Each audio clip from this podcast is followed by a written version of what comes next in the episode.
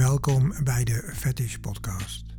Via het Synquest Fetish Forum bespreken we met een wisselend panel van genodigden stellingen en vragen die leven onder onze luisteraars. Je bent vrouw en je ontdekt voor het eerst je BDSM-gevoelens. Je bent nieuw in de scene, wat dan? Daar praat ik over met Lily, Nina en Sanne. Dames, welkom. Hallo. Dank je. Leuk dat jullie er allemaal zijn. Ehm, om te beginnen, Lily. Ja. Hoe heb jij voor het eerst ontdekt dat je deze gevoelens had? Eh, het begon met een vorige partner. Ehm, we, eh, ja, eigenlijk de, een van de eerste seksuele contacten die ik met hem heb gehad, bond hij mij een beetje vast. En dat vond ik zo spannend. Dat Vertel. ik dacht, oh oké, nou, ehm, wauw, leuk. En ik ben toen wat op wat forums gaan lezen. En op, een gegeven moment zag ik op een forum een link naar VetLife. En ben daarop gaan kijken. En het was alsof ik een soort snoepdoosje openmaakte... waarvan ik niet Ja, wist dat het bestond. lekker. Maar het wat ge- geheel... Toen snapte ik ineens... Oh, wacht. Oh, dat, dat ruigen wat ik wil. En die fantasieën die, die ik niet helemaal wist of het wel oké was. Oh, dat, er zijn een hele hoop mensen die dat ook wel mag allemaal, hè? Ja. ja, en ik heb, ik heb eerst een, eh, een jaar of twee van alles gelezen en gezien en gedaan. Want mijn partner toen de tijd vond het wel leuk, maar wilde het toch niet echt. En ik houd veel van je om je te slaan. Dat soort opmerkingen kreeg ik toen. En eigenlijk toen dat uitging, als een soort duveltje uit de doosje naar mijn eerste munch, mijn eerste, eerste feestje gegaan. En eh nooit meer teruggekeken. Nou, dat is een mooie compacte uiteenzetting. Ehm, aangezien jij de meest ervarene van het, eh, van het team bent hier, eh, Mhm. op mijzelf na, of gelijk aan mij, laat het nou, laat- Goed. Het is geen vergelijking. Nee, precies. Totaal anders. Maar jij hebt een aantal andere dames bereid gevonden, Sanne en eh, Nina, om met ons mee te praten. Zij zijn iets nieuwer in de scene dan wij. Ehm, Ja, want het leek mij wel echt heel leuk om. eh, we hadden er natuurlijk eerder over gehad dat eh, nieuw zijn in de scene ook weer nieuwe vragen oplevert, nieuwe inkijken. Maar dat er toch ook wel heel veel dezelfde eh, vragen langskomen en dezelfde onderwerpen. En dat, van nieuwe mensen, hè? Ja. krijg je die vraag, ja. dat, je, dat, je, dat, dat heel veel mensen aan het, zoekende zijn en dat, dat die zoektocht ja, heel leuk en fijn is. En af en toe ook een beetje verwarrend. Dat wilden wij graag Ja. Verwoorden in deze podcast. Ehm, nou, dan gaan we maar gelijk beginnen met Sanne. Sanne, Ja. welkom. Ehm je bent ook een beetje een newbie, begreep ik, als ik zo onbescheiden mag zijn om het zo te benoemen. Ja, klopt inderdaad. Ehm, hoe was jouw eerste... Wanneer heb je voor het eerst ontdekt dat je die gevoelens had? Eh, ik denk achteraf dat het in een vorige relatie spelenderwijs wel al een beetje aanwezig was.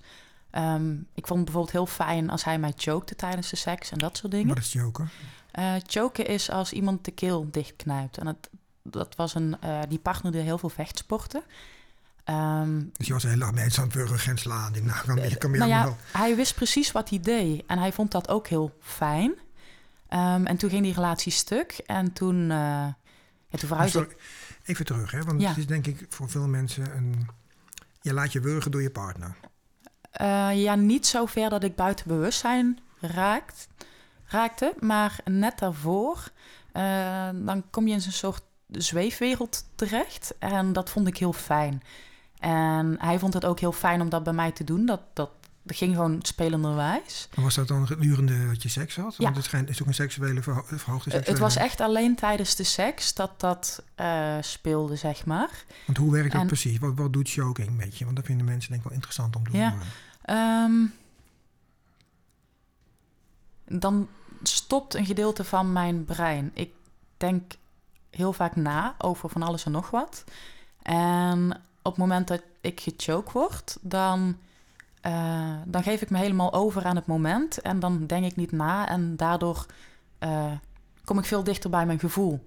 Eh, en een soort van oergevoel wat daar nog onder zit, komt dan ook in de buurt. En op een gegeven moment ben je in een soort zweefwereld ehm, en besta je zelf bijna niet meer. Je bent alleen nog maar in het tijdloze niks. En dat vond ik heel fijn. Klinkt een beetje als subspace ook, hè? Wat sommige... ja, ik denk ook dat ik daar bij hem ook wel een aantal keer gewoon een subspace ben geweest. Maar ik wist niet dat het bestond. Ehm, ik wist ook niet dat eh, dat wat we deden, dat dat eh, gezien kan worden als een onderdeel van BDSM. en op een gegeven moment ging die relatie ging helaas stuk. Uh, toen ben ik verhuisd naar Amsterdam. Ehm, en toen had ik geen vrienden, dus ik ben echt gaan googlen van... Hey, hoe vind ik nou vrienden in Amsterdam? Via een meet-up gewoon mensen leren kennen. En daar leerde ik een, een jongen kennen, dus nog steeds een hele goede vriend van me... die ook net uit een relatie aan het komen was... En hij was heel erg bezig van ja, ik, heb dominante gevoelens, ik wil daar iets mee. Uh, en uit pure interesse had ik zoiets van, oh, wat is dat dan? Ben ik gaan lezen. En toen herkende ik dus dingen van wat er met mijn ex en mij gewoon organisch al speelde. En toen heb ik die fout gemaakt om hem nog een keer een mail te sturen. Omdat ik dacht van, hé, hey, misschien hebben we dit element gemist. En, die ex bedoel je dan? Ja. ja, ja van hey, misschien moeten we het op deze manier proberen. Is dat gewoon een stukje wat we missen? En toen, ja, toen kreeg ik een mailtje terug dat hij uh, alle respect voor mij verloren was. En uh, dat hij nooit meer iets van me wilde horen.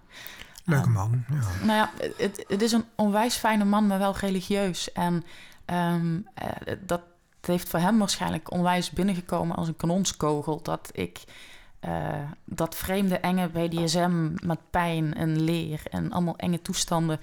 Dat ik dat had gevonden in dat liefdevolle wat wij samen hadden. Um, maar het is helemaal niet eng. Nee. En het is ook helemaal niet uh, dat beeld wat veel mensen ervan hebben. En uh, ja, toen vervolgens ben ik met die, met die jongen die ik dus leerde kennen ook een beetje gaan spelen. Um, en op een gegeven moment met wat andere mensen af gaan spreken. En toen heb ik wel ook wel submissive spelletjes gedaan, een paar dates. Uh, Klinkt toch vrij ervaren allemaal wat je zo vertelt. Nou ja, het, het was echt heel, bezig. Het, het, was ook, het was echt um, met uh, één man heb ik een aantal keer afgesproken en um, ook helemaal niet ervaren, maar meer van oké, als je binnenkomt, ga naar boven en dan staat er op het bord wat ik van je verwacht en dan gewoon de kleren uitdoen en op je knieën zitten en dan word je geblinddoekt en vervolgens wist ik niet wat er ging gebeuren. En uh, er kwamen geen zwepen bij uh, en zo. Het was alleen, nou ja, vrij vanilla seks. Alleen wel uh, die mentale submissive rol. En dat vond ik heel erg fijn. Um, maar sowieso speelt het zich toch in je hoofd af, denk ik, allemaal. Bij mij zeker. Um, al ben ik ook wel heel benieuwd naar het, het, stukje wat ik nog helemaal niet heb ontdekt. En dat is met, met pijn dingen gaan experimenteren. Um, nou ja, ik, ik wil wel alles ontdekken in de wereld ooit op termijn. En, uh... Dat is een heleboel. Ja, absoluut. Nou, voor je, alvorens je dat gaat doen, gaan we eerst nog even aan uh, Nina vragen hoe haar eerste ja, ontdekkingen verlopen zijn. Uh, Nina, ja. hoe ging dat bij jou? Um, ja, ik werd door mijn beste vriendin uitgenodigd voor een kinkfeestje. Mag ik dat, mag ik Boudoir Bizarre een kinkfeestje noemen? Uh, ja, voor mij mag je alles een kinkfeestje Ik ben nog nieuw, hè, dus uh, ik kan niet uh, een verkeerde, ja, verkeerde definities gaan labelen aan bepaalde feesten. Nee, je mag alles zeggen en alles vinden. En Boudoir Bizar is al een, een oud-gediende op het feestniveau, zeg maar. Dus. Um, en het was eigenlijk gewoon puur meer... Ik, ik zei tegen haar van, joh, ik heb behoefte aan um, nou ja, dingen gaan ontdekken en mensen leren kennen. Toen zei ze, nou, kom maar mee en kijk wat je ervan vindt. En ik vond mijn eerste indruk vond ik eigenlijk heel spannend. Want ik dacht, ja, wat, uh, waar ga ik belanden? Wat uh, kan ik verwachten? En mijn eerste indruk was eigenlijk dat er zoveel openheid en veiligheid en een dermate um, hoogte van veiligheid dat ik me zo vrij ging, voelde. Ging helemaal los. Ja, dat ik ook dingen heb gedaan op dat feest waarvan ik nooit had gedacht dat ik dat aan publiek zou doen.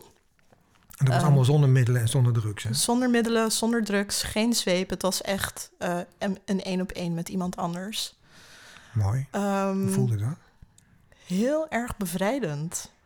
En ik vertel ook, want ik ben dus ook wel naar vrienden toe hier heel open over dat ik dit aan het ontdekken ben.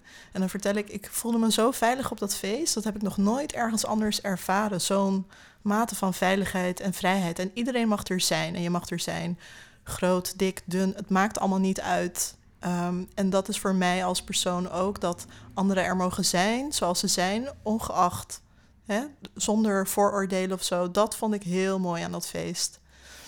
Um, en dat was mijn eerste, mijn eerste ja, ontmoeting eigenlijk. Leuk. Ja. En die persoon zie je nog vaker nu? Nee, die persoon eh, zie ik gewoon meer vriendschappelijk als ik haar eh, tegenkom. Want jij, Ehm. bent, jij bent meer met vrouwen, hè, zeg maar. Ja, Als ik ja. het goed begrijp. Ja. Oké. Ik eh, identificeer me als queer, maar ik val, ja, ik val voornamelijk op vrouwen eigenlijk. Ik heb geen ervaring met mannen. En dat vind ik eigenlijk ook wel interessant, want tot nu toe, dat is in ieder geval wat ik hè, van mensen heb gehoord en zie, is dat, dat ehm, het vaker een dynamiek tussen een man en een vrouw is. Maar ik weet niet, ik weet niet wat jullie ervaring als ehm, de mensen die al veel langer in, de- in deze scene zitten. Daar heeft Lily vast wel een heel mooi antwoord op. Ja, ik denk dat ik denk dat het is natuurlijk wel heel vaak het stem, maar het stereotype is ook mannelijke dominant en vrouwelijke submissive. Ik bedoel, dat, dat, dat zie je genoeg. Maar ik denk dat juist er zijn zoveel smaken en zoveel soorten. Ik, ik identificeer zelf als biseksueel, maar ik speel voornamelijk met mannen. Maar ik vind, ik, ja, ik vind het ook heerlijk om met vrouwen te spelen. Er zijn een paar vrouwen eh, in de scene waar ik heel blij word als ik ze op een feestje rond zie lopen. En, eh, en zeker als ik dan zie dat ze een speeltas bij zich dragen. Dan eh, kan... Dan ga je slijmen en Nee, nee, nee. Ik, waarom, waarom sla je mee? Gewoon aangeven wat je wilt, toch? mijn vinger opsteken, ook goed. Ja. Ja, gewoon zeggen van, goh, hoe, is- hoe, is, hoe is je bal, wat is, hoe is je danskaartje vanavond? Wat En heb je zware tas? Zorg Ja. voor je dragen. Nee, nee. En ik bedoel, de meeste, de meeste mensen, die, ja, die ken ik ook wel. En daar heb je dan wel een band mee. En dan, eh, Ja, want even voor de goede orde. Jij bent al zeer ervaren natuurlijk, hè? nou ja, ik weet niet wat zeer ervaren is. Dat vind ik altijd een beetje eh, lastig. Nou, wat heb je niet gedaan, zou ik bijna genoeg, Oh, genoeg. Ik, ik denk, eh, eh, en, en ik leer ook elke, steeds, elke, elke keer weer iets meer. Juist doordat ik, eh, ehm, ik heb een hele hoop, ik had een hele hoop vanilla vriendinnen toen ik de scene inging. En die heb ik nou niet meer.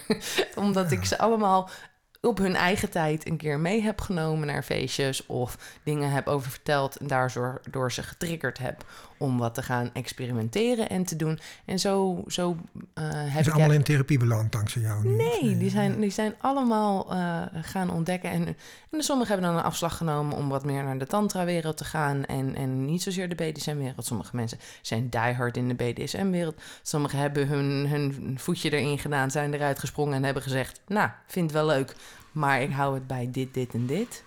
Maar het is, het is, ik vind het ook elke keer als je weer iemand nieuws meeneemt... dan dus krijg je ook weer, ik, ik krijg dat nieuwe enthousiasme dan ook weer. Want soms dan is het inderdaad, heb je het gevoel dat je elk feestje wel gezien hebt. Ja, want jij houdt heel veel nieuwe mensen ook verder, hè? Mannen, vrouwen, die gewoon... Ja, ik vind, nou ja, het, ik heb voornamelijk, ik moet wel zeggen dat het meestal vrouwen zijn geweest die ik eh, ehm, eh, advies heb gegeven. Maar ik was vrij actief op de Haarlemse Munch toen ik nog in Haarlem woonde.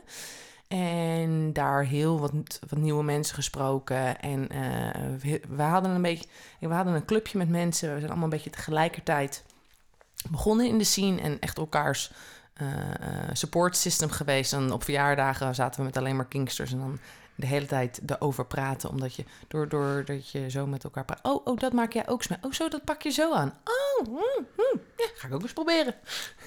En dat heeft wel heel wat mooie dingen gebracht. Nou, dames, dat betekent dat er voor, eh, voor Sanne en Nina nog een hele interessante tijd aankomt. Dus, als ik het zo hoor. Zeker. Ja, absoluut. Ja. Maar hoe vond, eh, was het voor jullie ook ehm, eh, het schaamtegevoel? Als ik naar mezelf terugkijk, naar mijn eerste stapjes, en had ik ook best wel dat ik me schaamde en dingen niet nog te delen met mensen. Hoe is dat voor jullie geweest, Sanne? Nou ja, voor mij, toen mijn ex die mail stuurde, dat, dat, ja, dat was gewoon echt mijn dieptepunt. Dat, dat, Waarom? Ehm, omdat ik op dat moment echt nog zielsveel van hem hield. Ehm, en voor een gedeelte, ik bedoel, ik zal altijd hem blijven geven, want hij heeft me gewoon heel veel gegeven en we hebben gewoon een hele mooie tijd gehad samen. Ehm, maar dat brak mij zo af op het moment dat ik toch al heel teer was. Eh, ja, dat was gewoon echt heel heftig. En daarna heb ik gewoon de tijd genomen om wat, wat rustig te daten en zo. En toen zeiden dus die vrienden van mij ehm, van... hey, we hebben een kaartje voor Beach, ga mee. Dus ik dolgelukkig van ja, eindelijk ben ik vrijgezel. Eindelijk kan ik mee naar dat, zo'n feestje.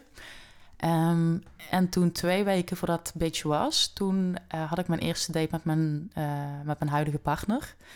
Ehm, Was je hele feest vergeten? Nee, absoluut niet. Nee, het was. eh, en in die twee weken waren we ook al echt verliefd op elkaar.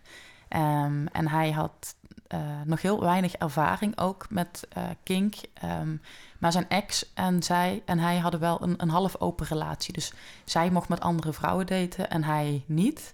En hij Dat wist... klinkt niet als half open. Dat klinkt als Nou, eh, ja. zij mag alles en hij mag niks. Of, ja. Nou ja, zij, zij is biseksueel en hij gunde dat haar heel erg. Ah. En hij wist dus van zichzelf dat hij er heel gelukkig van werd om zijn partner die vrijheid en eh, de ruimte te gunnen om gewoon eh, open te zijn. Ja. Ja, absoluut. Compersion, hè? Ja, precies. Wat is ja. compersion? Compersion, Eh, inderdaad. In, in de uh, polywereld ehm, is compersion... eh, De nee. polywereld is dat mensen liefde delen. Hè, zeg Ja, maar. zeg maar... Polyamorie bedoel je ja, toch? maar het, het, het, zijn Ja. allemaal van die, van die dingen die Ja. overlappen met elkaar. Dat weet ik, maar ik zeg het voor de mensen die het nog Ja. niet weten. Ja. Ja, dus in, in eh, de polyamorie-wereld ehm, is compersion een hele bekende term. Het is eh, in feite betekent het ik ben blij omdat mijn partner blij is. Dus je, je gunt je gunt je partner eh, de liefde met anderen. Je gunt je partner seksuele contacten met anderen. Eh, en, en ja, eigenlijk het tegenovergestelde van jaloezie. Ja. Het, eh, jaloezie, Mooi, dat, dat, ja, dat mooi. is iets negatiefs. Ja. Maar, ehm, en mijn partner en ik, wij hebben dat gewoon heel sterk. Als ik hem... Je huidige partner en Ja, jij. Ja, ja. Dus de jongen die je het ontmoet hebt, waarmee je niet naar het feest ging of wel. Ja, nee, nee, nog gebleven. Maar, Precies. ja. Ehm, nou, hij zei dus, want ik heb hem wel uitgenodigd van... Goh, wil je met, met ons meegaan? Eh, en hij zei van, nee, ga dat alsjeblieft gewoon lekker met je vrienden ontdekken. Ehm, Leuke en- man. ja, nee, hij is echt de beste ooit. En, Goed gedaan. Ja, en die hele avond heb ik dus tegen iedereen verteld dat ik stapel verliefd was. Maar wel met twee leuke mensen die ik daar tegenkwam. Tuurlijk, was ik binnen een half ja. uur was ik naar de speelkamer verdwenen. En ik heb gewoon hele avond niet meer gezien. nou, hij is verliefd, maar ik ga toch even... Ik- even- nu kan het nog. Bij gezellig party. Weet je wel. Nee, ja, en ook, maar hij vond het wel heel fijn om op een gegeven bepaalde manier wel onderdeel te zijn van mijn ervaring. Dus hij heeft wel mee geholpen met eh, mij voorbereiden. Dus um, ik, ik Klinkt een beetje als een eh, kukelrelatie. Dat is... eh, Nee, dat denk ik niet. Nou, nee, dat, maar dat is, dat is, kukkeld is dan echt... Ik denk dat het compersion echt is als het van twee zijden komt, zeg maar. De een Ja. gunt de ander. En, en, en dus ja, dan zal het zijn dat de, het ene moment zit de vrouw thuis... en het andere moment zit de man thuis. en bij kukelding is dat niet zo. Hè? nee, dan is meestal de, ja. een van de twee, zeg maar. eh, Die gunt het de ander of moet het gunnen. Ja, Ja. Dat. Nou ja, dat moeten gunnen zou ik zelf heel na vinden. Bij ons is het echt iets wat mij maakt het oprecht gelukkig als hij een leuke date heeft met iemand. En eh, dat is andersom ook zo. En hij vond het dus heel leuk om mij wel gewoon eh, ja, mee mooi te maken. En toen ben ik gewoon met, in de trein gestapt richting Amsterdam naar mijn vrienden toe. Heel liefdevol eigenlijk, hè, allemaal. Ja, heel liefdevol. Eh, maar tussen ons is ook heel veel liefde. Maar dat is voor heel veel mensen nog steeds een ding. Hè? Die kun je die koppeling tussen het gewelddadige van de BDSM, wat het Mhm. soms lijkt te zijn, en de liefde niet goed maken. Daarom vind ik het een heel mooi verhaal wat je nu vertelt. Ehm, nou moet ik wel zeggen dat tussen mijn partner en mij, wij hebben geen powerplay, dus geen, eh, geen DS-element.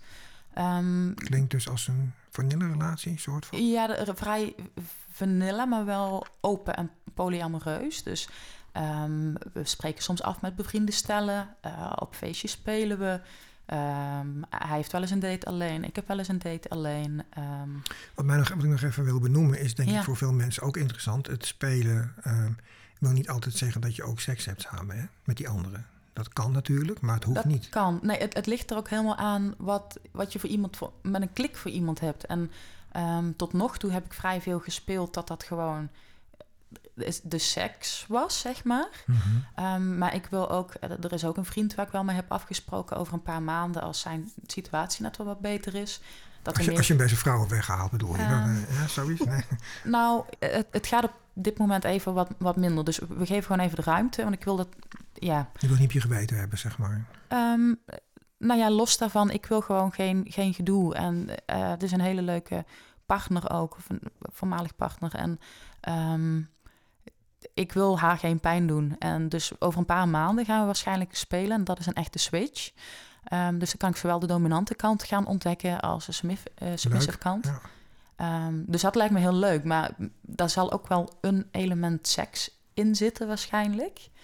Ehm, maar voor mij is dat veel minder de doorslaggevende wat ik daar aan klik mee voel. Oké, daar wil Lily wat op zeggen. Nou, ik heb juist toen ik begon eh, bijna alleen maar gespeeld zonder seksueel element. Ik heb ehm, bijna alleen maar pijnspellen gedaan eh, met mensen. En jij was submissive dan, hè? Ja, ik, ben, ik ben altijd aan de sub, submissive kant van nooit, de, de, nooit geswitcht? Nooit, Ik heb nooit. ge- Ik kan, ik kan best wel, eh, maar dat is dan de pleaser in mij. En af en toe kan ik een klein beetje een mommy-achtige rol op me nemen. Ik ben heel, kan heel verzorgend zijn. Dus in die, die rol kan ik nog wel eens Ja, dat is pakken. gewoon lief van je.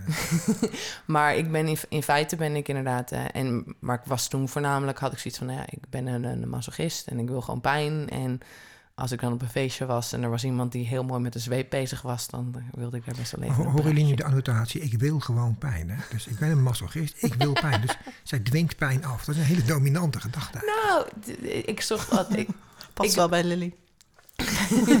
Wat zei je, Nina? Ik zei, dat past wel bij Lily. Oh ja, hoe goed ken je haar? ik ken haar wel een beetje, ja. Weet je. Nee, het is. eh, maar ik moet ook zeggen, dat ik vond het ook wel heel lastig. Want ik vind het eh, heel lastig om, om dingen te vragen. Ehm, in wie? het begin. In general aan je In partner. general, ik, Ja. ik vind het heel hulpvragen. Ik vind, het is een issue bij mij en dan echt op alle vlakken. Met mijn studie heb ik daar problemen mee gehad. En, en, en dan zag ik dus inderdaad dingen. En dan ging ik meestal gewoon even zo'n soort praatje maken. En vond het dan in het begin heel moeilijk om dan direct op de man af te vragen van... mag ik misschien ook? Eh, meestal, boden ze het, meestal zagen ze het wel aan mijn alles dat ik het wilde, dus boden ze het aan. Maar ik heb ook wel mensen gehad die hebben er maar er echt op een gegeven moment om laten vragen. Die hadden echt zoiets Maar van... wacht heel even, waar hebben we het nu over? Wat moesten ze vragen? Wat, moet je, wat boden ze gewoon aan? of ik, of, ik een, of ik een pijnsessie met ze, of we een, een pijnspel konden doen, Precies. zeg maar. Ja. En eh, eh, dat vond ik in het begin heel lastig. En dat is weer een les die ik geleerd heb. Van, Nu niet meer, hè? Nu, eh nee, nou, nou all ik... over, weet je wel. Nu Nou. vraagt ze het niet meer, nu zegt ze het. Nee, vraag ze het, één. Ze dwingt het gewoon af. Ja. Niet waar, niet waar. Nee, Beetje, het, is- beetje het, was gewoon... ik ik ja, vond het allemaal heel spannend in het begin. Ja, maar Nina zit maar te lachen, dus die heeft volgens mij die heeft je heel erg door daarin. Die, eh, die snapt dat volgens mij. Ja. Nou, ja, die heeft ook wel eens dat, die heeft ook wel een groot deel van de reis meegekregen. Dus die weet ook wel een beetje hoe, eh, hoe het zit. Oké. Dus eh, ja, ik, ik denk dat het. Dat, eh, ehm, in het begin is het, is het lastig ook om te weten wat je wil. En, en is het ook een zoektocht. En er is ook wat onzekerheid. Want je hebt soms ook van die mensen die je vertellen: dit is de true way. Dit, je moet, als je sub bent, moet je zo en zo zijn. Oh, zo'n Messiah, ja. Ja, precies. en ik, ik, hoorde, ik las ook over, die, over van die feestjes. Dan moest je bij elke eh, dominant moest je meneer er tegen zeggen. En ik had echt zoiets van, ja, maar dat, Boring. dat ja. kan ik niet. Ik, ik moet een bepaalde klik met iemand hebben om daar submissive bij te zijn. Ja, en, dat is heel leuk dat je, sorry dat je onderbreekt, maar dat vind ik heel interessant. Want ik denk eigenlijk dat jij dus je onderdanigheid, je submission, je overgave, die gun jij aan sommige dominanten, hè? maar Ja. niet aan elke. Nee. Dat is een heel interessant thema, want iedereen denkt altijd maar dat als je dan submissive bent, dat je maar gewoon gebruikt kunt worden voor van alles. Nou ja, dat, dat, dat is inderdaad wel eens Ja, de gedachte. Ik denk de dat de, dat de meeste mensen ook wel doorhebben dat dat veel genuanceerder zit. Maar ik heb, Nou, ik heb inderdaad wel eens... Dat, ik heb ook heel veel berichtjes op VetLife gehad toen ik net begon. Van, jij gaat nu, in, jij gaat nu meneer tegen me zeggen. En toen heb ik gezegd... No way. dat kun je heel mooi op je buik schrijven, want dat gaat dus echt niet gebeuren. ja. Ehm, maar volgens mij werkt dat toch ook niet zo? Nee, maar ik, ik, heb zoiets van, het is een, het is een, het is, het is een, je bouwt in feite een relatie op. Als je een relatie met tussen twee mensen opbouwt, dan gun je elkaar dingen. Je gaat samen iets niet in alle relaties ook, kan ik Nee, zeggen. maar- In general, ja. Maar laten we zeggen, als je het een, een hopelijk beetje gezonde samenstelling van mensen doet het samen. Dus ik eh, eh, laat een, een dominant zien dat ik een hele mooie overgave heb, die ik als cadeau aan diegene wil geven en in die handen van diegene wil geven. Maar ik wil aan de andere kant ook dat eh, eh, die dominanten mij laten zien dat eh, die het waard is om het aan te geven. Precies. Dat, die, dat, dat, ik, eh, dat het vertrouwen, mijn vertrouwen en mijn overgave daar veilig bij is. En dat in het begin vond ik dat wel lastig wie ik dan kon vertrouwen, ja of nee. Dus ik was, ik kende gelukkig, ik had vrij snel vrienden gemaakt. En ik heb op een gegeven moment na een beetje een slechte ervaring besloten, ik ging alleen nog maar spelen met mensen die ik of langere tijd kende, of eh, die met een goede referentie kwamen. Ik Ja. was gewoon van, nou ja, eh, van dan, dan, dan zag ik iemand met een heel mooi zweepwerk en ging ik even mijn vrienden vragen van, kent iemand deze persoon? Ja? Nee? Oké, is die te vertrouwen? Goed, dan ga ik die benaderen. Ja. En daarvoor dan gewoon niet. Oh. Dat is wel interessant, want iemand vroeg laatst samen... Ik ben dus nu eh, vooral mijn damkant eh, aan het ontdekken. En iemand vroeg aan me, ja, zou je de subkant wel eens eh, eh, ook willen ontdekken? En mijn antwoord was, nou, ik denk dat ik me heel veilig bij iemand zou moeten voelen. Het is aansluitend op wat Lily zei. ehm, om dat te durven. Dus dat weet ik niet. maar ik denk dat dat, dat dat speelt bij mij ook wel. Maar hoe was het voor jou, Nina, om jouw eerste ervaring als dom te hebben?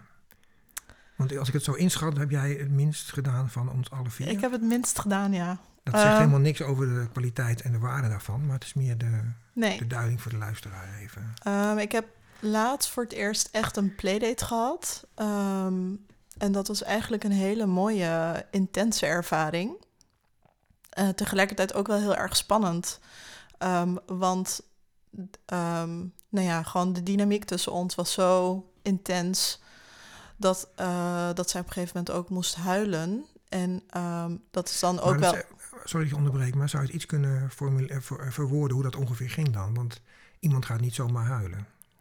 Nee. hoe ehm, ging dit? Was, eh, Was je er aan het slaan? Was je er aan het mindfucken? strelen?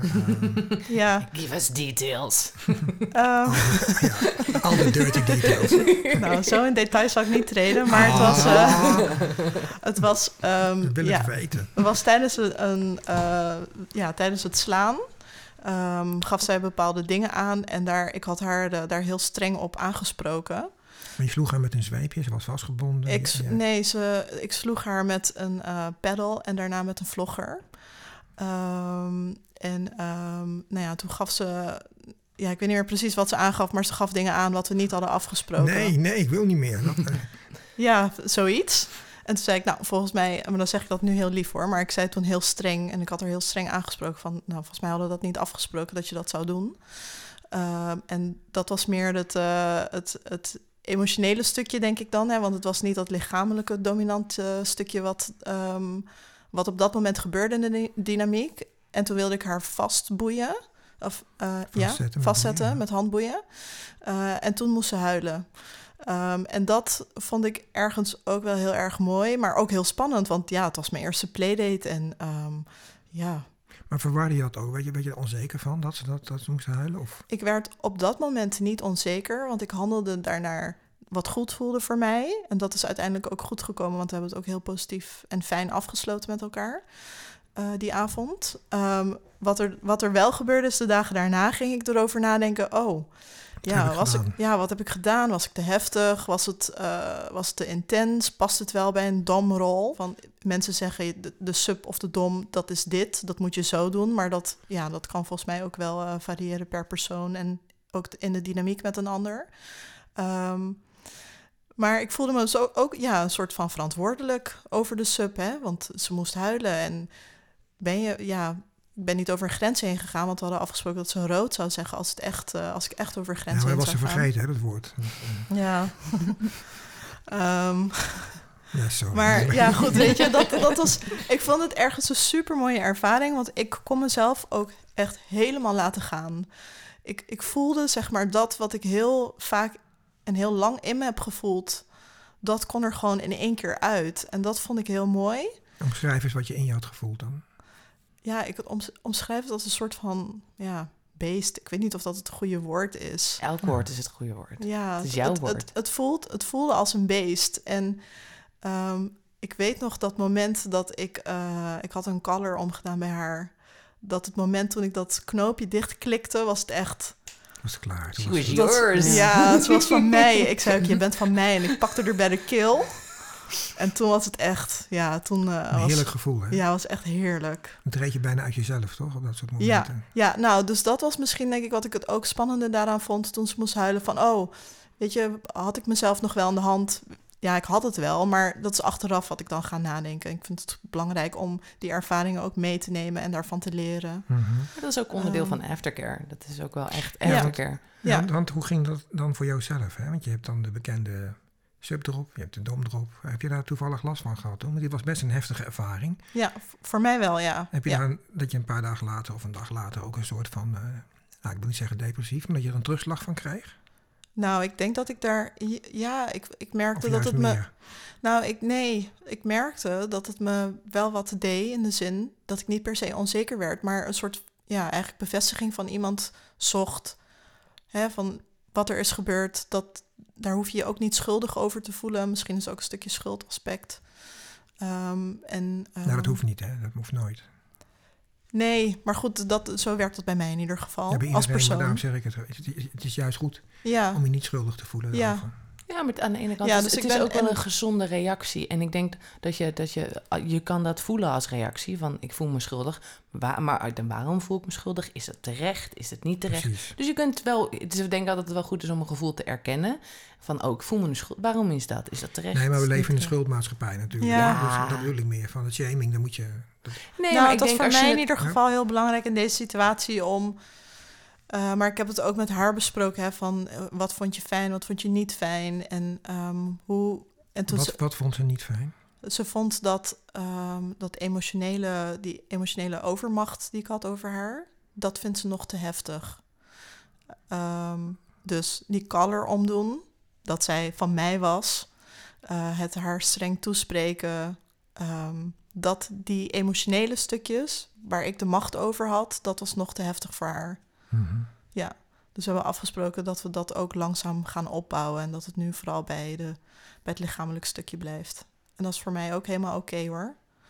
Ehm, ja. Maar wat een kick hè, dat je het gedaan hebt, toch? ja, ik vond het echt, ik dacht, oh, ik wil meer. Ja, verslavend. Ja, ik wil meer. Ik wil eigenlijk gewoon dat wat ik ervaarde toen. Ja, want ik, ik heb haar eh, gisteren weer gezien. Ehm, en toen dat stukje niet toegelaten. En dat was helemaal oké. Maar ik merk wel dat ik dat stukje wel weer wil toelaten. Ja, maar dat is natuurlijk ook, dat, dat merk je ook wel bij mensen die net beginnen. Dat had ik, wel- ik had echt subfrenzy. Oh mijn god, ik wilde meer, meer, meer, meer. En het was alsof ik eh, echt verslaafd was. Dus- Verslaafd. Ja, dat is ook een verslavingsgevoel. ja, maar dat hè? is het ook echt. En dat, daar waarschuw ik altijd wel mensen voor. Want het is zowel dom als sub. Je hebt die frenzy. Je hebt, je hebt iets gevonden. Je hebt eigenlijk in feite je, je nieuwe favoriete drugs gevonden. Mhm. En En er is geen betere. Nee, ik, ik denk het niet. Nee, ik, eh, eh, ja, het is echt wel. Het is, laten we zeggen, het is een van de favo's. maar eh, wat, wat het wel is, is dat je daar wel bewust van moet zijn. Want ik denk ook dat. Ik heb ook wel gezien dat mensen die dan nieuw de scene inkwamen. En gingen alles met iedereen en elk moment gingen doen. En als een soort stoomtrein er doorheen walsten. En ook gewoon binnen een half jaar ook gewoon compleet burn-out weg waren. Ja, maar het is ook overweldigend. Dat is in ieder geval mijn ervaring. Want ik wil ook heel veel informatie opzuigen. Ik voel me nu ook net een spons. Mhm. Ik ben ook naar podcasts aan het luisteren en allemaal op VetLife. Ach, interessant. Ja, toevallig een van deze. al mee. Ja. er zijn er Ehm, meer. Ja, ik wil, ik wil heel veel informatie inwinnen. Dus ik snap, ik herken dat wel hoor. Dat ik meer wil. En, Oh, maar het is ook echt iets om van het- te genieten. het Maar is ik denk, superleuk. Ook die ontdekkingstocht. ehm, zoektocht ook wel daarin. Het voelt eigenlijk ook als een soort van nieuwe coming out. Een nieuwe kwam. Heb je een andere al Mm. gehad dan? Ja, ja, ik ben, eh, ja, ik ben toen der tijd als eh, lesbisch uit de kast gekomen naar mijn, naar mijn familie en naar mijn vrienden toe. Ja, even voor, voor de luisteraars, want het is misschien wel interessant. hè. Mhm. hoe, hoe oud ben je eigenlijk toen de tijd? Klinkt als heel als een eeuw geleden, maar hoe oud ben je? Moet je dat zeggen? Met, met ons delen ongeveer. Hoe oud ik nu ben? Tussen 20 en de 30, zoiets, denk Ja. ik. Ja, heel Ja, goed. begin 30. Heel mooi. En jij, Lily? mid 30. En Sanne? Eh, begin 30, ja. Ja, dat zijn wel mooie ronde getallen. Nou, ik denk dat dat ook wel een Ja. goede wat- leeftijd is. Ja, zeker. Maar Nina was nog aan het eh, vertellen. Dus slaag krijg je straks van Nina. Zeker. Want Nina is eigenlijk hoofdzakelijk dus dom. Lily is eigenlijk hoofdzakelijk sub. En Sanne is switching, begrijp ik Nou een ja, beetje? Ik denk dat ik vanuit nature meer naar de submissive kant neig. Ik heb dat ook op een feestje meegemaakt dat een kennis van mij heel even alleen mijn keel dichtkneep. Maar dat was ook zo'n connectie. Ik was meteen weg, echt in, in, in een halve minuut. Ehm, en het was zo groot, dat gevoel, dat ik in eerste instantie zoiets had van ja, hiermee wil ik spelen. En daarna dacht ik van ja, maar ik weet dus nog niet of dat een ongezond stukje van mij is dat die behoeftes heeft. Of dat dat een gezond stukje van mij is die die behoeftes Waarom heeft. zou het ongezond zijn?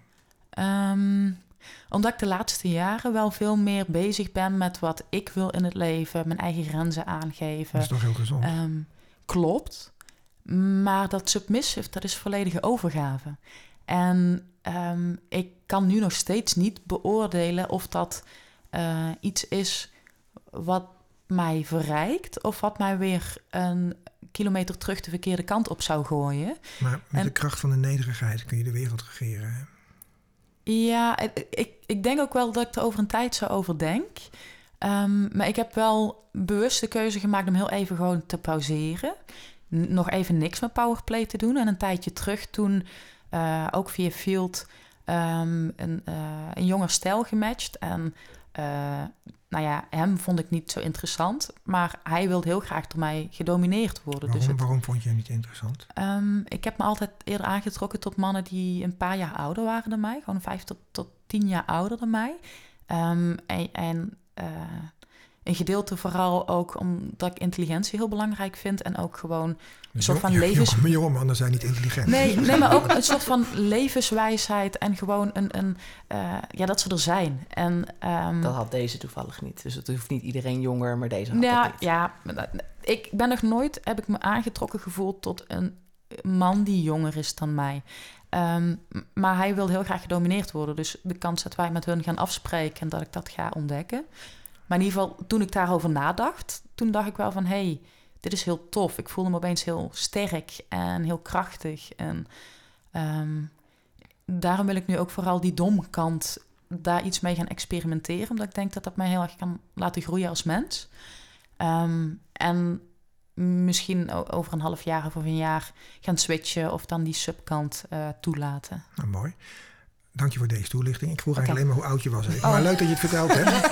Nina was nog steeds iets aan het vertellen over haar Oh, eigen... sorry. Dom. Nee, hoef geen nee, sorry. Oh, ik Nee, was is al, ik was al eh, Hij was alweer vergeten. We zijn lekker in een flow. Maakt ook niet uit. Maar het was, dat was een mooie toevoeging, dankjewel. Dat is leuk. Eh, maar Nina, jij was iets aan het vertellen over jouw eh, die eerste ervaring nog steeds. Wat eruit voortkwam. Wel of geen dom sub erop. Ehm, en ehm, hoe zie jij dat zelf verder? Sanne zegt net dat ze door het switchen een groei wil doormaken als mens. mhm. Zou je ook zoiets kunnen voorstellen? Of denk je, nee, iedereen moet de kop houden en doen wat ik zeg? Of, eh, Nee, ik denk dat, dat, ehm, dat er misschien ook wel een stukje een, een deel switch eh, in mij zit. En ehm, ja, ik heb dat tot nu toe nog niet ervaren, maar ik sta er zeker voor open. Dus ik ben nu eh, vooral aan het ontdekken. En ik denk dat het sub-ervaren ook wel iets moois, een mooie ervaring zou zijn die ik kan meenemen in mijn domrol. Hè, ook handig, ja. Weet je wat je iemand aandoet, toch? Ook voor een deel. Ja. Ja. En hoe verschillende zweepjes voelen en dat soort dingen als je test. Dat, ja, Lily? Ja, maar ik vind het aan de ene kant wat, wat Sanne zegt over... eh, s- zij voelt zich niet sterk genoeg om, om zeg maar helemaal die overgave van die submissive te zoeken. Misschien dan ook met die, als ze die dominante kant van zichzelf meer ontdekt heeft... ook ziet de, de kracht die... de- dan ziet zij ook waarschijnlijk wat meer de kracht die de bottom heeft. Ja, Eh, want dus- eigenlijk heeft de bottom, Ja. eigenlijk heeft de sub de leiding over het spel. Eh, eindelijk hebben we het door, jongens. Ja. Nou, kijk, Ja, en ik weten het al jaren. Dat doen we ons voordeel Ja. blaffen mee. Maar oké, vertel. Ja, Hoe nou ja, de sub, die, hè, want je, je spreekt van tevoren af wat, wat, wat zijn hard limits, wat wil je echt, wat, wat wil je wel, wat wil je echt niet. En ehm, de sub die geeft ook aan, nou ja, door middel met een stopwoord of met een stoplicht. Ja, ik weet niet, dat werkt voor iedereen anders. Een stoplicht, denk ik, ja. Ja, Mhm. ehm, Nou ja, je hebt natuurlijk, ik bedoel, dat, ik vertel ook als, als mensen dan niet zo goed weten hoe ze gaan beginnen en bang zijn dat ze grenzen overgaan en niet, ook niet weten wat hun grenzen zijn en die dan wel een beetje willen pushen, zeg ik doe stoplicht. Ik bedoel, rood is nee, oranje is ik weet niet of ik dit leuk vind. Ik wil heel even één seconde ademen, nadenken, misschien even wat bespreken. Maar aan de andere kant, want ik weet ook dat tops wel heel erg kunnen twijfelen over hoe ver ze kunnen gaan. Dat is een mooie groene. Ik heb ook wel eens met partners gespeeld die dan zeiden, nou, stoplicht. En dat die dan gewoon op een gegeven moment echt helemaal bezig waren op mij. En dan waarschijnlijk een beetje gingen twijfelen of ik het nog kon hebben. ja. En dan vroegen, zijn we nog steeds groen? Ja, we zijn groen. Hup, door. Ja. En dat, kan, die, dat zijn kleine houvastjes die als je begint en niet Ja. iemand helemaal kan lezen... Ik zijn dat hele mooie, mooie kleine houvasten. Ja, het is heel om- goed dat je dat even aangeeft. Vind ik heel leuk. Omdat ehm, die toevoeging dat je iemand kunt lezen. Want jullie zijn alle drie gevoelsmensen. Mhm. Ja, Ja, allemaal, denk ik. Maar dat moet je ook wel zijn, wil je dit kunnen doen. Want invoelendheid en empathie zijn, Zeker, denk ik, key, ja. wil je het goed Ja. doen. Ja, want mijn, mijn playdate ervaring toen op een gegeven moment, toen ik stopte, toen zei zij oranje. Maar oranje was niet Waarop jij Je- zei groen, groen, zijn nou groen? Nee, ze zei ja. Groen, oh. Oh, ik ga wel door. Eh, ze zei Sorry. oranje, ze zei geen rood. Maar ik kon aan alles zien, aan haar mimiek en haar lichaamshouding, dat ze, eh, ja, ze, het geen oranje was, maar rood. Dus ik stopte ook meteen. Dus Maar ik vind, Ja, heel goed. ik, ik vind ook dat je als, hè, dat je als dam ook ehm, ja, goed moet aftasten wat de ander laat zien. Ehm, en ergens moet je ook vertrouwen hebben in de sub dat ze hun grenzen aangeven. Maar het moet, ja, het moet daarin wel nog steeds dynamisch blijven. Ja, het is de wisselwerking. En Dus- af, dus- ja. Ja, je doet het met z'n tweeën. Ja. En dat dingetje dan dat een dom altijd een sub net over die grens wil krijgen, toch ietsjes verder gaan dan wat je eigenlijk wil. Dat gebeurt ook vaak, hè? Het kan Ja. nog steeds met consent en met alles. hè, Zeker, maar- ja. Maar ik- hoe ik het zou zien, is dat ik het zou aanvoelen in het moment of dat kan. precies. Maar zeg je weer aanvoelen, dus je bent heel invoelend. Ja, Ja, dat val- valt me op bij heel veel mensen in de scene, dat ze behoorlijk eh, op hun gevoelsmens zijn, zeg maar. Dat je dit niet kunt als je niet invoelend bent. Zowel qua ondergaan als qua geven, zeg maar. Ja, het is wel Ja. een belangrijk onderdeel daarvan. En dan nog steeds, weet je, mensen, sommige mensen zeggen van ja, je haalt de hele schoen weg als je niet die kaders afspreekt. Ik ben nog steeds wel een groot voorstander van, juist doordat je die kaders hebt, heb je die vrijheid om daarbinnen dan heel mooi te gaan bewegen. los te gaan. Hè. Ja, ja. en inderdaad, in het, en weet je, weet ook dat als je nieuw bent, dat je ook een keer tegen een grens gaat aanlopen die te ver is. En dat je een keertje breekt en dat je een keer een rotte ervaring hebt. En dat, ik bedoel, er zijn mensen... Dat een keer een lijk moet wegmoffelen, ja, dat heb je Ja, dat, dat gaat, dat, weet je, dit, het, het gaat een keer gebeuren. Ik heb ook nog een, een litteken van de zweep waar ik niet blij Dat mee lacht wel ben. heel hard, Nina, maar oké. ja, ja. ja dus ik ben naast Dom ook nog wel behoorlijk sadist. Dus eh, En dat is juist leuk. Ja, dat is interessant. Dus je bent, eh, want dat zie je als twee verschillende dingen dus blijkbaar. Nou, volgens mij hoeft dat niet per se samen te gaan. Je hoeft niet... Dat is mijn opvatting, hè? Dus, eh, Hele leuke manier om het goed te lullen voor jezelf. Nee, vertel. ja, nee, maar goed, Sorry. als jullie... eh, Hè, want ik ben nieuw, dus dit is hoe Ja, daar kom je nu niet meer weg, hoor. Nee. Jawel, jawel, ja, absoluut wel. Nee, maar volgens mij hoeft dat niet eh, met el- samen met elkaar te gaan. Want je hoeft niet dom... Ja, Ja, je kan ook sadist is- zijn zonder dom te zijn, volgens mij. Is dat zo, Lily? Mijn partner is, mijn, mijn levenspartner is eh, eh, ontzettend sadistisch. Nul dom. Nul. Ik bedoel, hij, ja, hij is primal en af en toe dan laat hij zien dat hij sterker is. Maar die zal mij nooit eh, echt gaan domineren als, als, als, zoals ik dat met, met, een, met een meester of eh, heb Bij een sadist doen. Nee, nee. Ik heb mijn, mijn oude meester is ook is een meester en sadist. Dus toen dat was in één. Maar mijn levenspartner is alleen sadistisch. Die heeft zoiets van: ik ga je gewoon pijn doen. En of jij daar blijft zitten, ja of nee, dat is aan jou. Ik ga je niet vertellen dat je daar gaat zitten. Ik heb gewoon zin om je pijn te doen. En als je blijft zitten, dan doe ik je pijn. Maar is het dan ook niet zo man, dat, je als, dat je als dam eh, pijn kan gebruik- gebruiken en dat als, als middel gebruikt? En dat het niet per se hoeft te betekenen dat je Nee, dat, dam sadistisch bent? Nee, maar zo, Nee, zo maar- ken ik ook zeg maar een, een, een stijl waarvan hij is dam en ontzettend sadistisch. Maar de sub is on- helemaal niet masochistisch. Zij gebruikt haar submission. Zij wil haar dom pleasen. En daardoor neemt ze die pijn. Daardoor neemt ze eh, eh, alles wat hij haar geeft.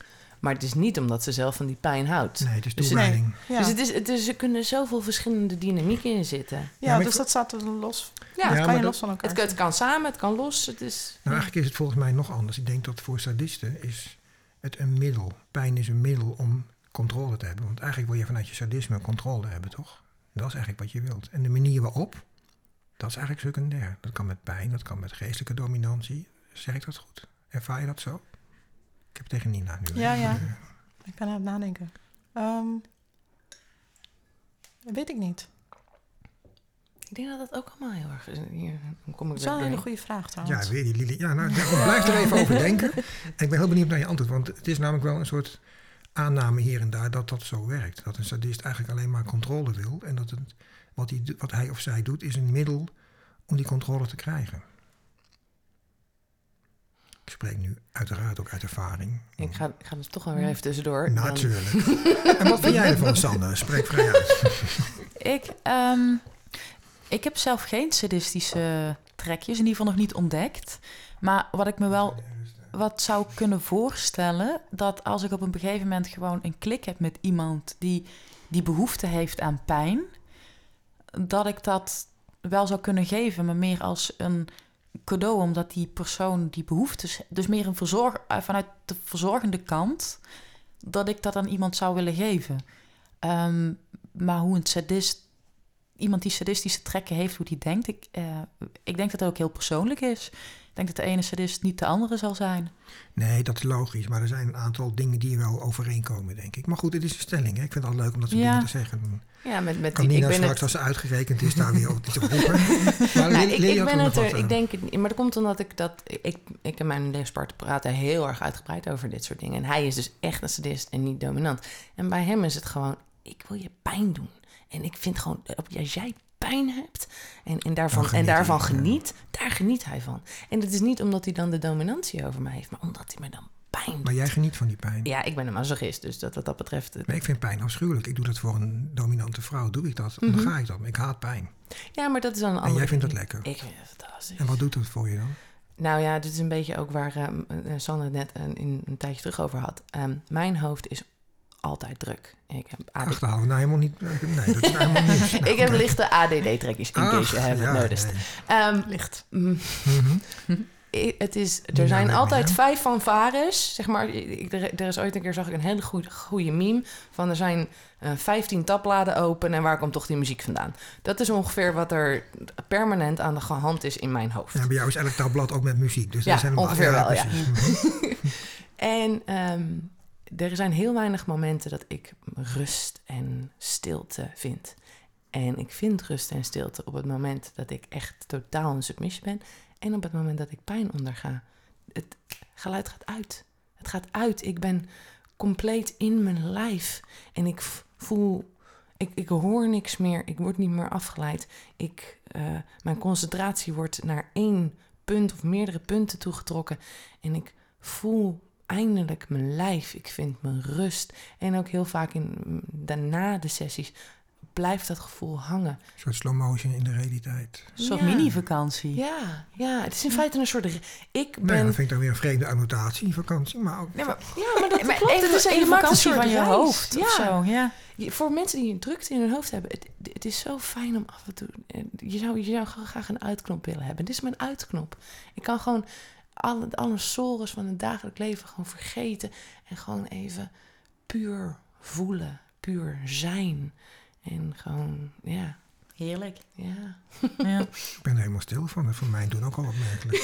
Ja, Nee, Mooi. ja, mooi dat je dat kan, middels pijn. ja, nou, het was ook. Ik weet nog wel dat. ehm, ik had dus. Ik, ja, ik heb dus. Het begon toch met, interesse bij je, Nina. Hier, eh. Ja, Ja, ik, ik begon dus met die touwtjes. En dus ik had, ik had wel gelezen over pijn. En ik hield altijd van ruwe seks. Als het, ik, ik had ook nooit zo heel veel plezier in... Echt, echte plezier in seks voordat ik BDSM deed. Het was, ik zat altijd te veel in mijn hoofd. Ik ging altijd aan, oh, moet ik mijn handen nu daar doen? Wat wil die nou van me? Moet ik wat manier aanraken? Moet ik meer zoenen? Ik heb al even niet gezoend. Wat, wat, wat? Ik was te veel aan het nadenken, En niet aan nadenken. het voelen, maar aan het nadenken. Ja, nadenken, nadenken, nadenken. En als nu, alsof het is een primal of het is een, in, een, in een submission rol. Nu is mijn seks dat ik gewoon, ik word over, overnomen. Ik, dat is, ik bedoel, ik, ik vind het ook nog steeds wel leuk om af en toe soft seks te hebben met mijn partner, gewoon als het moment er is. Maar de meeste seks die ik heb is ruw, is hard. Ik heb geen tijd meer tot nadenken. Ik word compleet overnomen en ik hoef ik hoef niet meer me zorgen te maken dat ik mijn hand ergens moet doen of dat mijn partner iets mist. Als hij iets mist, dan vertelt hij het wel of zorgt hij wel dat ik het doe. En dat is Ja, lekker. zo'n bevrijding. Dat is een beetje het omgekeerde van wat jij ervaart, Nina. Want jij ervaart die bevrijding, zeg je net, omdat je iemand kon domineren. Dat Ja. was heel... ja, dat klopt. Ja. En ik was nog even aan het nadenken over de vraag die, eh, die je hebt gesteld. Welke vraag? Over de... ehm, oh, ik weet niet meer hoe je dat dat een precies sadist, hebt een geformuleerd. sadist eh, gebruikt, eh, die wil, wil Gebruik pijn als controle. dominantie. Die wil controle en dat, elk middel is eigenlijk goed om die controle te krijgen. Dat kan pijn zijn, geestelijke dominantie, dat Ja. soort dingen. Ja. Nou ja, ik weet niet of je het moet... Ja, zo ervaar ik het wel. Hè? Dus op het moment wanneer ik iemand pijn doe... dan geeft diegene zich ook over aan mij. Ehm, en dan zie ik ook dat de ander daarvan geniet. Dat vind ik dan fijn, dat ik zie dat de ander daarvan geniet. Maar ik vind het ook heel erg leuk om de ander pijn te doen. Maar als die andere nou niet geniet. Dus die andere, je weet dat die andere niet geniet, maar die doet dat voor jou. Ja. Hoe is dat? Hoe zou dat zijn? Dat is pas heftig. Ja, nou ja. Dan ben je Dat- echt sadistisch. Dan ben je echt Ja. verantwoordelijk voor wat je doet. Nou ja, ik denk dat ik dat, dat ik dat ook leuk zou vinden, ergens. Omdat diegene, dat, en dat, hè, want ik kan ook heel erg in mijn hoofd zitten. En als iemand zich echt overgeeft aan mij, dan hoef ik ook niet na te denken over, ja, wat moet ik nou doen? Want ik heb alle vrijheid om te doen wat ik wil. Mooi. Ja, geeft het een beetje antwoord op de vraag? Ik ben een beetje mijn eigen Ja. gedachten kwijt. Ja, nee, dat, maar het is juist goed dat je het een beetje vanuit je gevoel vertelt. Ja, En dat is eigenlijk mijn insteek bij dit soort dingen. Het Ja. van, Maar eigenlijk is het wel mooi dat je precies het omgekeerde vertelt wat Lily zegt. Ja, Want jouw trigger ligt andersom. ja. En dat is ook logisch. En hoe is dat voor jou, Sanne? Want jij bent Zwits, dus jij gaat heen en weer tussen die twee gedachten. Of Nou hoe ja. werkt dat bij jou? Ik weet nog niet precies waar ik val op het spectrum, dat ik nog heel weinig heb gedaan. Ehm, Toch klinkt dat niet zo gek genoeg. nou ja, ehm, ik ben wel al meer dan 30 jaar mens. En ik denk dat heel veel dingen die... ehm, ook de eerste keer dat ik op een feestje was, het voelde wel echt als thuiskomen. Dus ik was ook binnen een half dat voor uur... jullie ook? Sorry, ik ik onderbreek. thuis. Ja, voor jullie allebei ook? Voor, eh, Ja, bij mij en- ook heel snel hoor. Ja. Oké, sorry, Ja, ga verder. Eh, ja. Dat maakt niet uit. Eh, en gewoon heel... eh, wat ik het mooiste vind, is gewoon echt heel open, liefdevolle connecties met mensen. En heel veel nieuwe dingen ontdekken. Ehm, en dat gaat alle kanten op. Ehm, ja, die uitknop, die mini-vakantie, daar heb ik soms wel behoefte aan. Ehm, Blijft het een raar woord vinden, mini-vakantie. Maar Nou oké, als het zo... Ja. voor mij voelt dat. eh, ah, ehm, ik ben een paar keer in mijn leven aan het subspace geweest. En dat was gewoon echt even een, een reset. Gewoon echt ja, dat klopt. eh, die computer 10 seconden op de aanknop en dan gaat die herstarten. Ehm ja, dat vind ik gewoon, eh, vond ik wel heel, heel erg fijn. Eh, daar, kom, daar kwam ik meer van bij dan van drie weken echt eh, op vakantie gaan. Het, is echt. ik vind het ook lastig. Ik, ik heb het er wel eens over met mijn partner. Want die kan dus gewoon zitten en aan niks denken. Ik heb dat niet. Er, ik, ik kan niet zitten en aan niks denken. Dat heb ik nog nooit in mijn leven ge- bijna gehad dat dat gebeurt. Ik heb meditatie. Ik heb, eh, ik bedoel, ik, ik heb me als kind heeft mijn moeder me overal naartoe gesleept om maar die rust in mijn kop te krijgen. Ik, ik, heb, ik wil niet weten wat voor een- alles wat ik heb, geprobeerd je heb. ook, heb je ook diagnose ADHD? Nee, eh, de, eh, mijn, mijn moeder en ik ben daar compleet mee, mee eens. Hebben ze iets van, ja, weet je, als je een diagnose krijgt... dan gaan ze je helemaal volstoppen met pillen. En daar, daar wil ik niet. Dat Ik- hoeft niet. nee, dat, ja, Nee, dat- maar het gebeurt. Nee, daar heeft niet Ik- een andere oplossing voor, begrijp Ja. Nee, maar ik heb, wat wij gewoon hebben gedaan is gewoon zorgen dat... Ja, ik ben, als kind heeft nooit iemand het bij me gemerkt. Omdat ik altijd op school deed ik het goed. En ik kan, ik kan wel een goede hyperfocus hebben. En ik breng structuur al in mijn gehele leven aan... om ervoor te zorgen dat ik die drukte in mijn hoofd onder controle kan. Dus ik, ik ben een ontzettende control freak om dat eh, allemaal in banen te leiden. En dan, dan juist is het zo heerlijk als je dan ontdekt dat er inderdaad iets is wat je, wat je inderdaad eh, eh, een soort, soort van, ja, inderdaad, zoals je zegt, resetknop. Dat je gewoon even, Ja. goh, alles is wordt me te veel in het leven. Eh, ik, eh, ik doe even een goede slagsessie en ik kan gewoon de hele wereld weer aan. Wat ik heel mooi vind aan dit verhaal en ook aan andere verhalen... is dat ik denk dat heel veel ehm, vrouwen in het algemeen worstelen met die gevoelens ook. In de zin van, die zijn ook druk. En die hebben een gezin omhoog te houden. En balletjes en dit en dat en werk en alles sociaal. En die kunnen ook dat rustmoment niet vinden. En die gaan dan gestrest op vakantie. Hebben nog meer stress door de vakantie. Hè? 70% van de mensen Oh komt ja. geloof ik gestrest naar terug. Heel herkenbaar. ja. dus daarom. Ehm, dus en wat ik mooi vind is dat ik hoop dat mensen zich in hier herkennen. Dat vooral met name vrouwen zich herkennen in jullie verhaal. En ook eens gaan denken van, goh, wat zou het heerlijk zijn om ook zo'n mini-vakantie te hebben. Ja. Ja. Wie weet. Misschien inspireren we wat mensen. Nou, dat eh, is wel de bedoeling van deze podcast. Nou, ik, ik vind het wel interessant, want de mensen die ik tot nu toe eh, ehm, heb leren kennen zijn allemaal hele intelligente mensen. Dus ook wel heel erg rationele mensen. Ik ben zelf ook een heel rationeel persoon. Ach, Dus eh, ja. dus nou, leuk het, dat je het, het... het in, je, in je lichaam zitten en in het hier en nu zijn en gewoon voelen, dat is niet, ja, toch is denk- dat, dat is heel in tegenspraak met wat je allemaal Ja. vertelt, hè, dat je rationeel bent. Want je bent volgens mij ook heel gevoelig. Ja, ik ben heel, ja, klopt. Ik ben ook heel gevoelig. Uh, maar als we het dan hebben over, ja, ik wil het niet per se linken aan seks. Want dat Nee, hoeft nee, natuurlijk niet samen Nee, te gaan. zeker. Maar als ik het over het seksaspect heb, dan zit ik, nou ja, heb ik heel, heel veel ervaring gehad dat ik echt voortdurend in mijn hoofd zat. Ehm, Dus je was niet bezig met de seks, maar met andere dingen. Of met... nou ja, dus gewoon het niet of beperkt kunnen voelen. En in het moment kunnen zijn of moeten denken aan... eh, oh, welk plaatje ga ik nu even door mijn hoofd heen laten schieten... zodat ik wat meer opgewonden word. Dat soort... eh, was je met de verkeerde ja, of wat partner. vindt de ander op dit moment van hoe ik het doe? En Ja. dat heb ik in ieder geval heel Ja. lang gehad. Ja, dat is leuk Ja. dat jullie dat zeggen. Want binnen die hele eh, BDSM-ervaring is dat dus anders geworden. Hè? Dat geldt voor alle drie van jullie. Hè? Voor mij ook Ehm, trouwens. Maar ja. Want het is veel echter, hè? De echtheid ervan is het volgens mij. Ja, het is voor mij, mijn er- Ja. die ervaring wat ik daarnet omschreef, dat was echt, ik kon helemaal loslaten en gewoon in het moment zijn. Dat was echt super mooi. En voelen en dat, en dat beest, hoe, hoe ik dat omschreef, die beest in mij toelaten. Niet bezig hoeft te zijn met, oh, En wat gebeurt er? Is Ja. dat een soort, moet je dan denken aan de hulk komt eruit? Of hoe werkt dat bij jou? ja, ik zou het meer als een leeuw omschrijven. Nou goed, maar er komt in ieder geval iets heel dierlijks naar boven. ja, iets heel dierlijks komt naar Er boven. zit een roofdier in jou, zeg Ja, maar. ja. Ik, had, ik heb ook een, eh, een keer ervaring gehad met iemand waar ik dan, ja, was voordat ik een beetje deze kant ontdekte, wat groffer mee, eh, mee speelde. Of tijdens de seks eh, wat groffer aanpakte. En ik liet allemaal blauwe plekken achter. Niet eens heel erg bewust, maar ik vond dat zo opwindend. Eh, dat vond zij niet fijn. En toen dacht ik, oh, hmm. Hmm, Ik wel. maar ik wel. Ik wil allemaal blauwe plekken achterlaten. Een soort van markering. Ja, ik- controle weer, hè? Iedereen kan zien dat jij het geslagen ja, hebt. ja. ja. jij bent even van mij geweest. Ja, vind ik heel... eh, En is het niet zo dat je dat eigenlijk dan wilt doorzetten? In de zin van dat als die sessie stopt, dat je nog steeds het gevoel hebt van dat die sub van jou is op een bepaalde manier? Dat je die controle houdt? Nee, als de dat? sessie stopt, dan stopt dat aspect voor mij ook. Dan ga je naar de volgende, zeg maar.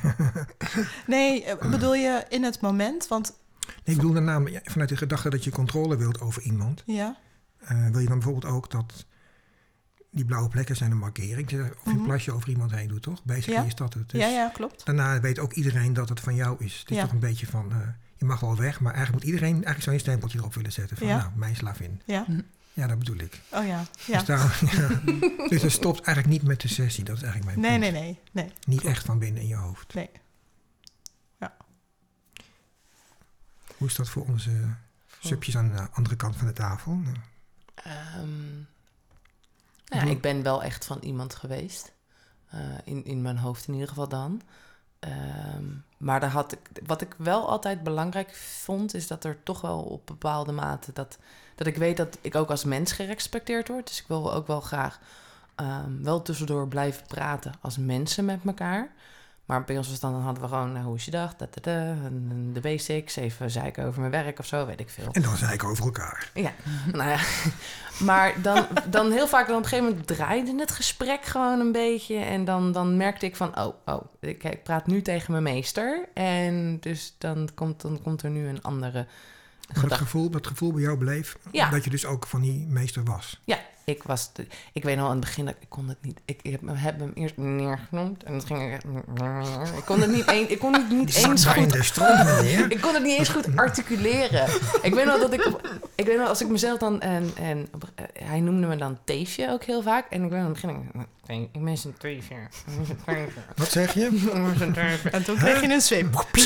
En ik heb op een gegeven moment... Dat, dat, op een gegeven moment voelde ik me ook inderdaad steeds... Die termen werden ook mijn termen. Ik was zijn slavinnetje. Ik was zijn Teefje.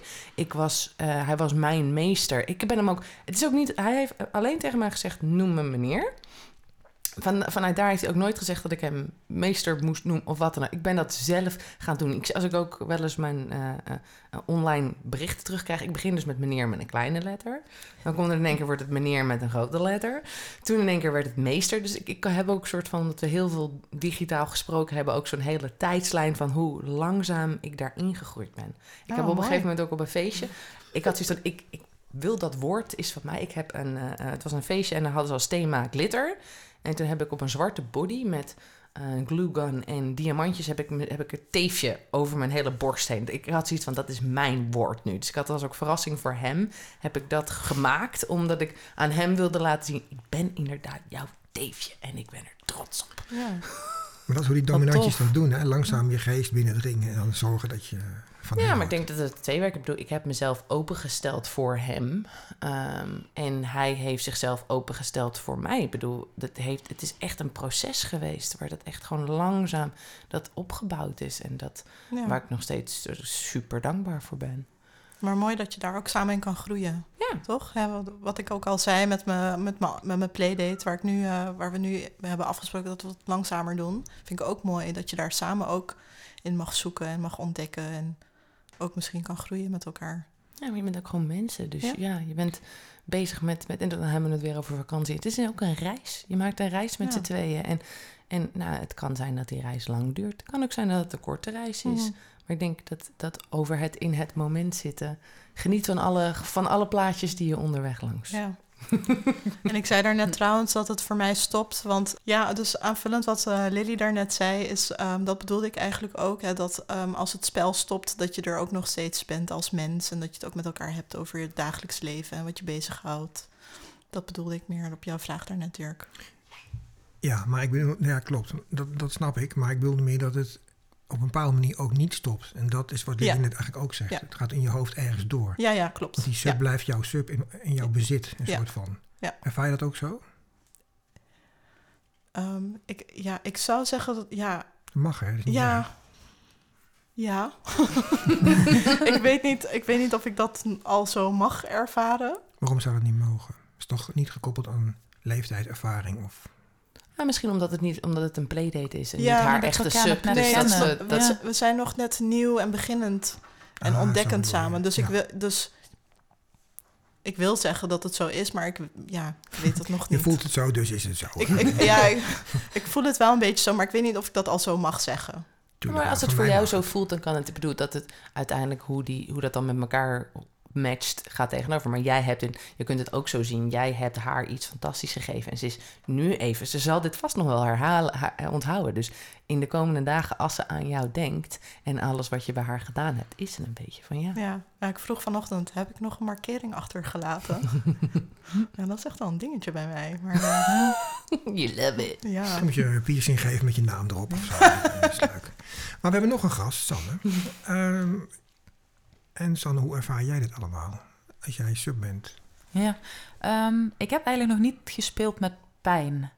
Nee, maar los van Dus, pijn. Als een ehm, sessie stopt, is het dan ja. voor jou ook gestopt? Of blijft jij in je hoofd de sub van degene waar jij aan geeft? Of hoe werkt dat voor jou? Mm, Ik heb dat dus één keer wel ervaren dat ik ehm, ook echt het idee had. En het was maar eh, waar ik het net al over had op een feestje dat iemand me de, de keel dichtkneep, heel even.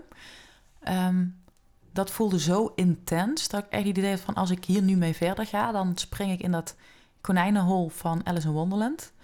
Ehm, dus dat speelde wel echt mee nog wel. Een paar de- weken daarna dat ik daar nog mee bezig was. Met is die- er mis met in het konijnenhol springen? Want het was een Ehm. fantastische reis van het konijn. Dus ik bedoel, ja. Ik wilde dat wat rustiger aanpakken. Hmm. Ja. Dus dat, ik ga dat zeker nog wel ervaren, dat konijnenhol. Maar ehm, ja, ik, eh, mijn partner en ik, wij, eh, wij zijn nu een kleine twee jaar samen. En al zoveel andere dingen aan het ontdekken. Gewoon de, de openheid, de kinky wereld, de poly. eh, tantra vind ik heel interessant om wat mee te gaan doen. En ook nog in het konijnenhol. Ehm, ik had toen ook net een, een nieuwe baan. Dat ik zoiets had van, ik, Beetje veel allemaal. ja, dat. En ik, ik wilde niet helemaal ontsporen. Want inderdaad, die, die frenzy waar, waar Lily het straks al over had. ehm, ik, ik had dat zo voor, voor me gezien dat ik gewoon als een, een stormram de verkeerde kant op denderde. Wat betekent frenzy eigenlijk? Zullen we eens even duiden voor de luisteraars? Wat is een frenzy? ehm, Mag Lily even doen, dan kan jij erop inhaken. Oké, korte, ja. korte duiding van Lily. Nou ja, je hebt natuurlijk, dat is ook zo, als je dan nieuw in de wereld komt, dan dat, dat heb ik ook als ik dan met mensen erover praat. Ik heb het jargon me inmiddels zo eigen gemaakt dat. Kind, je weet niet meer. Je praat de dat- hele dat- dag zo. je- ik merk pas dat het jargon is als dan iemand die nieuw is tegen me zegt: Wat is dat? Nou, er zijn heel veel luisteraars voor dit zijn nieuw. Dus Ja, precies. Eh, nou ja, frenzy. Ja, het is in feite gewoon.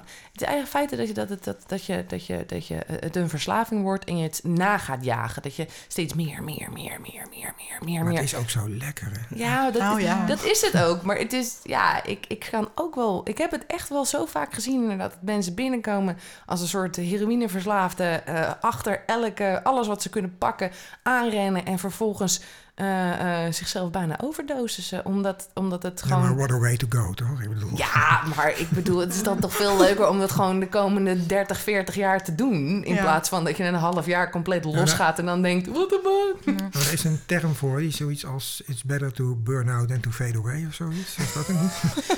Ja, ik, denk, ik denk dat je met dat soort, dat, dat soort quotes krijg je zeg maar die 27 Club, zeg maar. Van die mensen die... eh, ik ga op mijn hoogtepunt dood. Dat is heel leuk. Maar ik, ik vind het toch ook wel leuk om oud te worden. Oké, Nou ja. dat was de duiding van Francie. Dan kan Sander het verhaal afmaken. want- Ja, ja, voor mij is het meer een, een gevoel van een eh, onstilbare honger, terwijl je niet wist dat je honger had. En dat je niet wist dat er eten was. En opeens ontdek je dat. Een soort en, vampier worden eigenlijk. Soort, ja. gewoon een, eh, een nieuwe dimensie aan het leven. Ehm, ik ben wel heel blij ermee dat ik dat heb mogen ervaren. Ehm, maar ik ga het gewoon wat langzamer aan rustig aan ontdekken. Ja. Nou, de rest van mijn leven is ook belangrijk. Dat dat een beetje... Ja, dat is heel leuk dat je dat Ja. zegt. Want hoe, hoe is het nu, als ik met jou begin, hoe is het in Mhm. jouw leven geïntegreerd nu? Hoe mag je dat in verhouding zien? Is het, eh, Ehm, hoe belangrijk is het in je leven geworden? Nou, eh, het BDSM-stukje is echt nog mini klein. Het hele kinky stukje voelt wel echt als een onderdeel van mij. Wat is en het ook, verschil voor jou tussen kinky en Ehm, BDSM? Bij mij uit het zich meer in de, in de polyhoek. Dus het, eh, die gevoelens van compersie en ehm, van eh, genieten met vrienden en nieuwe relaties eh, opbouwen met, met mensen. En ehm, dat is voor mij heel belang, belangrijk. Ehm, maar buiten de kinky wereld weten vrij weinig mensen dat ik deze ontdekkingsto dat dit onderdeel van mijn leven is. Ach, vandaar dat je mee in de podcast doet, dan weet iedereen het nu. Zeg. Nou ja, ik bedoel, eh, flauw, sorry. ook dan op termijn ga ik het denk ik wel delen met, met de, ik bedoel, mijn opa bijvoorbeeld niet. Maar Nee. mijn, Kun je nog daar verbaasd van zijn hoe vaak oudere mensen het juist wel accepteren? Ja. Ehm, ik denk dat dat voor hem niet geldt. Hij is heel rechtlijnig. Ehm, m- mijn ouders denk ik dat er heel weinig mee kunnen. Ehm, maar ik denk dat het voor mezelf, voor mij is eerlijkheid en open kunnen zijn wie ik ben zo belangrijk dat, dat ik me zo goed voor kan stellen dat ik over een jaar of twee dat wel gewoon met hun gaan delen. Eh, mijn broertje weet het bijvoorbeeld wel, mijn zus ook. En ja, dat is gewoon heel fijn dat dat kan. Ja, Ja. zeker. Ehm, Oké. Leuk gesprek, hè? Zo. Ja. Wat ik Zeker. eigenlijk wil voorstellen, we zijn al een uur en tien minuten of zo aan het praten nu. Zullen we gewoon eh, deze afronden en nog een tweede deel opnemen? Ik denk dat we nog wel wat te melden hebben met z'n allen. Het is net het begin pas voor mijn gevoel. Ja, is Ik eh, ga ik jullie voor deze even bedanken, dus dat is erg leuk. Ehm, en dan gaan we een deel 2 maken. Dus eh, ik zou zeggen, eh, ja, interessant.